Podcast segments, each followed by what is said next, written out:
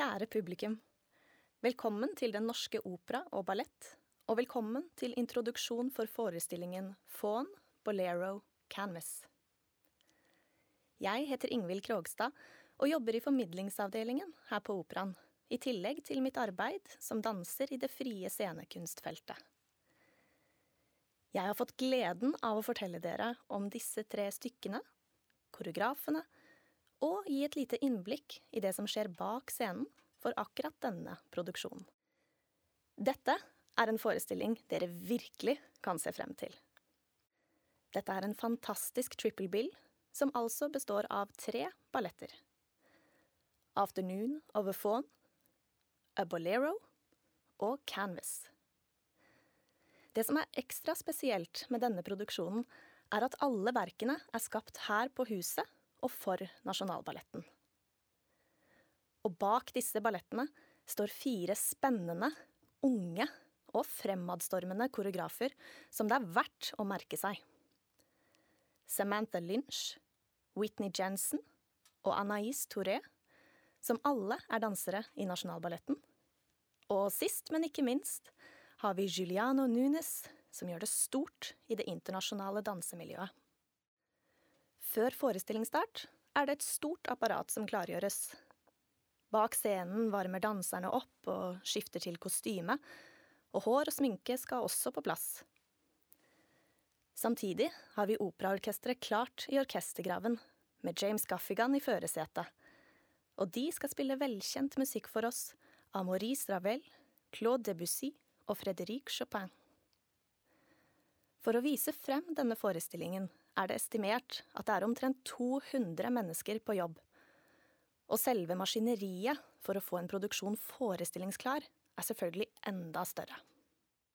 Forestillingen består av det en gjerne kaller moderne balletter.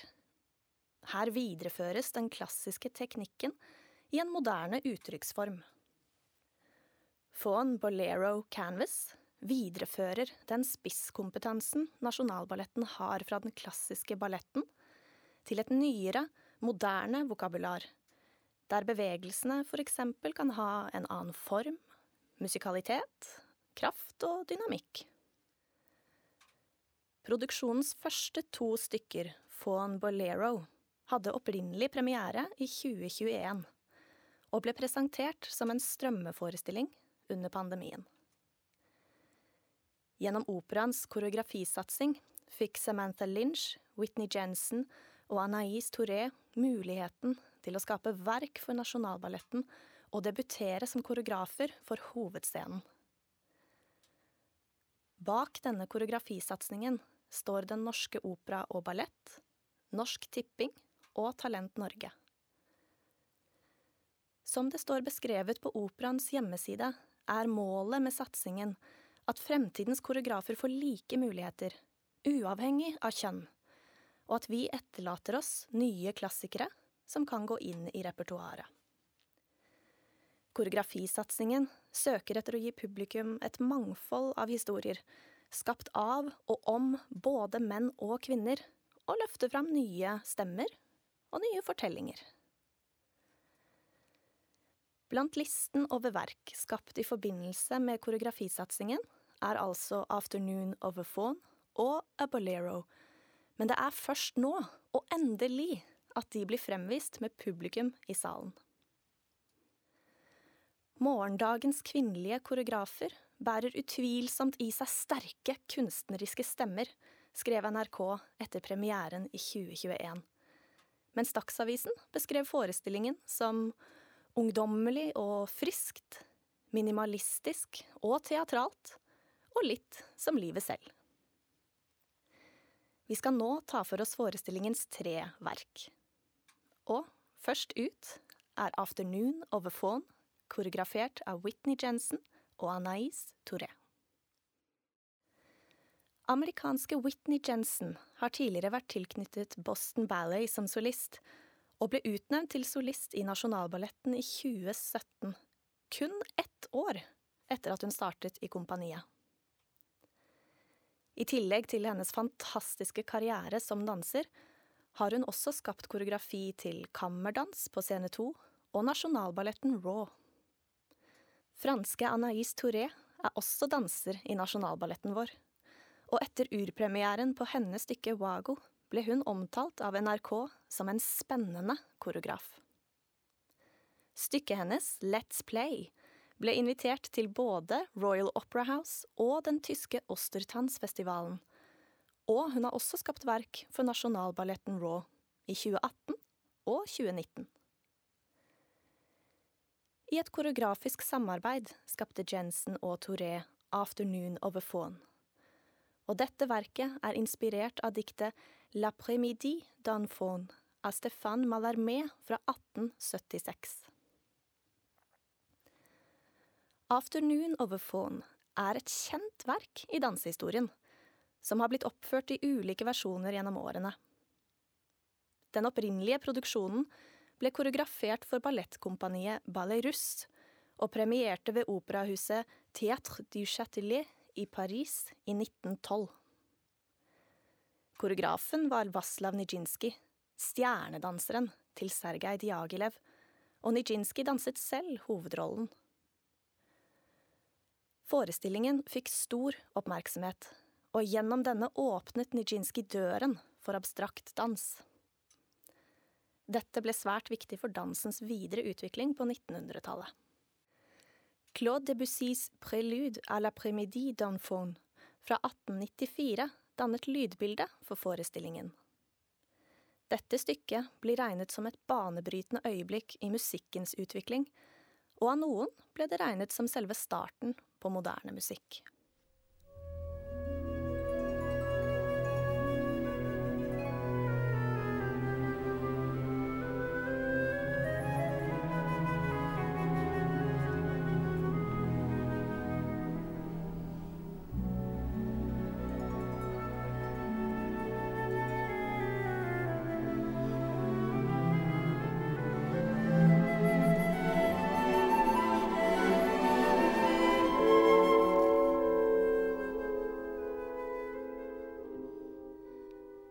Stykket følger en faun som observerer og lengter etter noen vakre nymfer i skogen.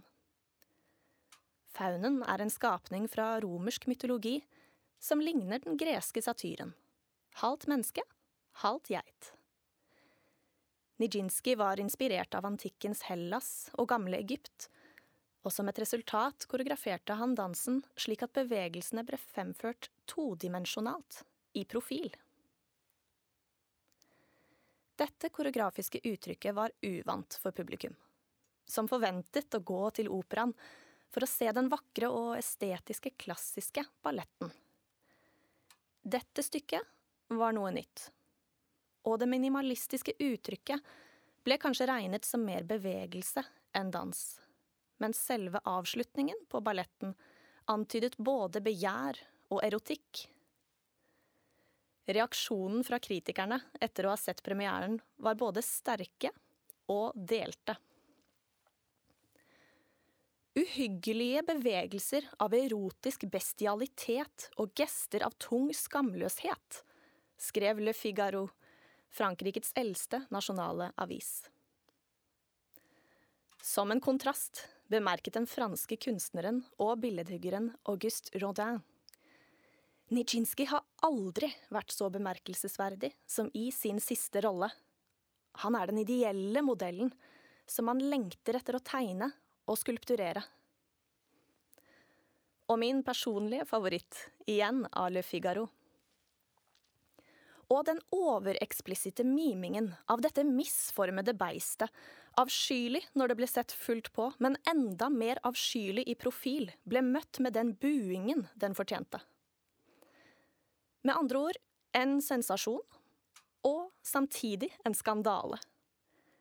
Men andre forestillinger ble helt utsolgt. Dette var riktignok i en annen tid, og det som ble oppfattet som ekstremt og eksperimentelt, er ikke nødvendigvis det i dag. Jensen og Touré har skapt sin egen tolkning. I dette stykket er faunen en kvinnelig karakter mens nymfen hun forelsker seg i, danses av en mann. Vi følger den kvinnelige faunen gjennom et liv, fra fødsel til død. Tematikken tar opp kvinnelig begjær, og vi følger faunen som befinner seg et sted mellom drøm og virkelighet. Der Nijinskis original hadde et uttrykk som var minimalistisk og stilisert, bringer denne versjonen, over 100 år senere, et uttrykk fra vår samtid. Claude Debussys komposisjon er kombinert med et nytt elektronisk lydbilde av Peter Baden, som videre forsterker det dagsaktuelle uttrykket. En spennende nytolking med et historisk bakteppe starter altså denne produksjonen, før vi skal videre til kveldens andre verk, koreografert av en av Nasjonalballettens nyeste solister, Samantha Lynch. Ved siden av det allsidige arbeidet hun selv gjør som danser, har australske Lynch hatt mye koreografisk arbeid de siste årene. Hun har blant annet koreografert for kammerdans her på Operaen, juniorkompaniet til Zürich-balletten, og ikke minst har hun vært initiativtaker og leder for Nasjonalballetten Raw, et koreografiverksted for danserne i kompaniet siden 2018. A Bolero er koreografert til Maurice Ravels kjente stykke Bolero fra 1928. Det musikalske motivet er repetativt og bygges opp i intensitet og styrke før det ender i et stort crescendo. Når Lynch forteller om sitt arbeid, kommer hun ofte tilbake til musikken. I 2021 skrev Inger Marie Kjølstamyr for Dagsavisen. Det er en stor og gledelig overraskelse å se hvor mye nytt liv Samantha Lynch klarer å gi denne repetative kaskaden av et kvarter med musikk. Lynch har selv hatt kjennskap til dette musikalske verket siden barndommen, og har alltid hatt et ønske om å koreografere til nettopp dette stykket. Som et resultat leker det koreografiske materialet seg med en tydelig musikalitet, med utforskning av det rytmiske og av undertonene i musikken.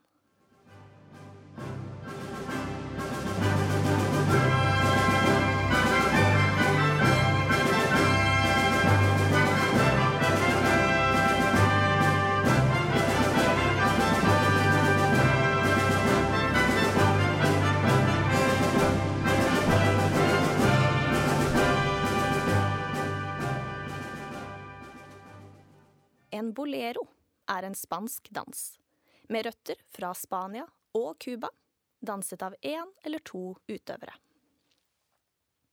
Lynchs koreografi er en duett. Vi møter to dansere på en scene som har ett scenografisk element. En enorm trekasse definerer et eget rom i scenerommet. Lynch forteller at hun ofte henger seg opp i at ting må ha et eget navn, og trekassen er ikke noe unntak. Gjennom prøveperioden fikk den navnet Ray, oppkalt etter Lynchs egen bestefar.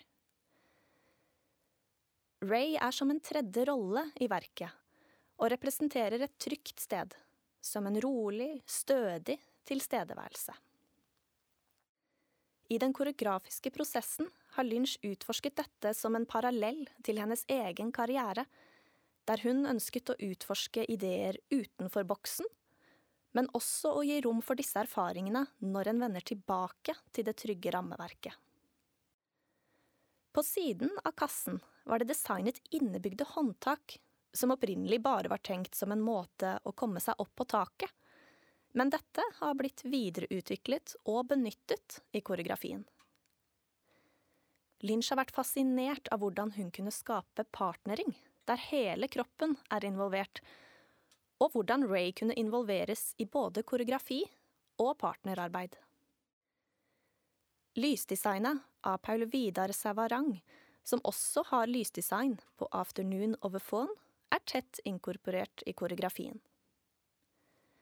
Øyeblikk med blackout, hvor det blir helt mørkt, skaper skifter på scenen og Lynch har lekt med dette for å bryte opp i det repetative musikalske mønsteret. Lynch trives med høyt arbeidstempo og jobber best under press, men påpeker at å koreografere A Bolero under pandemien var en spesiell opplevelse, fordi de fikk ordentlig tid til å fokusere og investere seg i skapelsen sammen. Det var en trygg atmosfære i bolero-boblen vår, forteller hun. Med kun to dansere på scenen, i over et kvarter og med et slikt høyt tempo, er dette en fysisk utfoldelse og utfordring for danserne. Lynch oppsummerer det enkelt.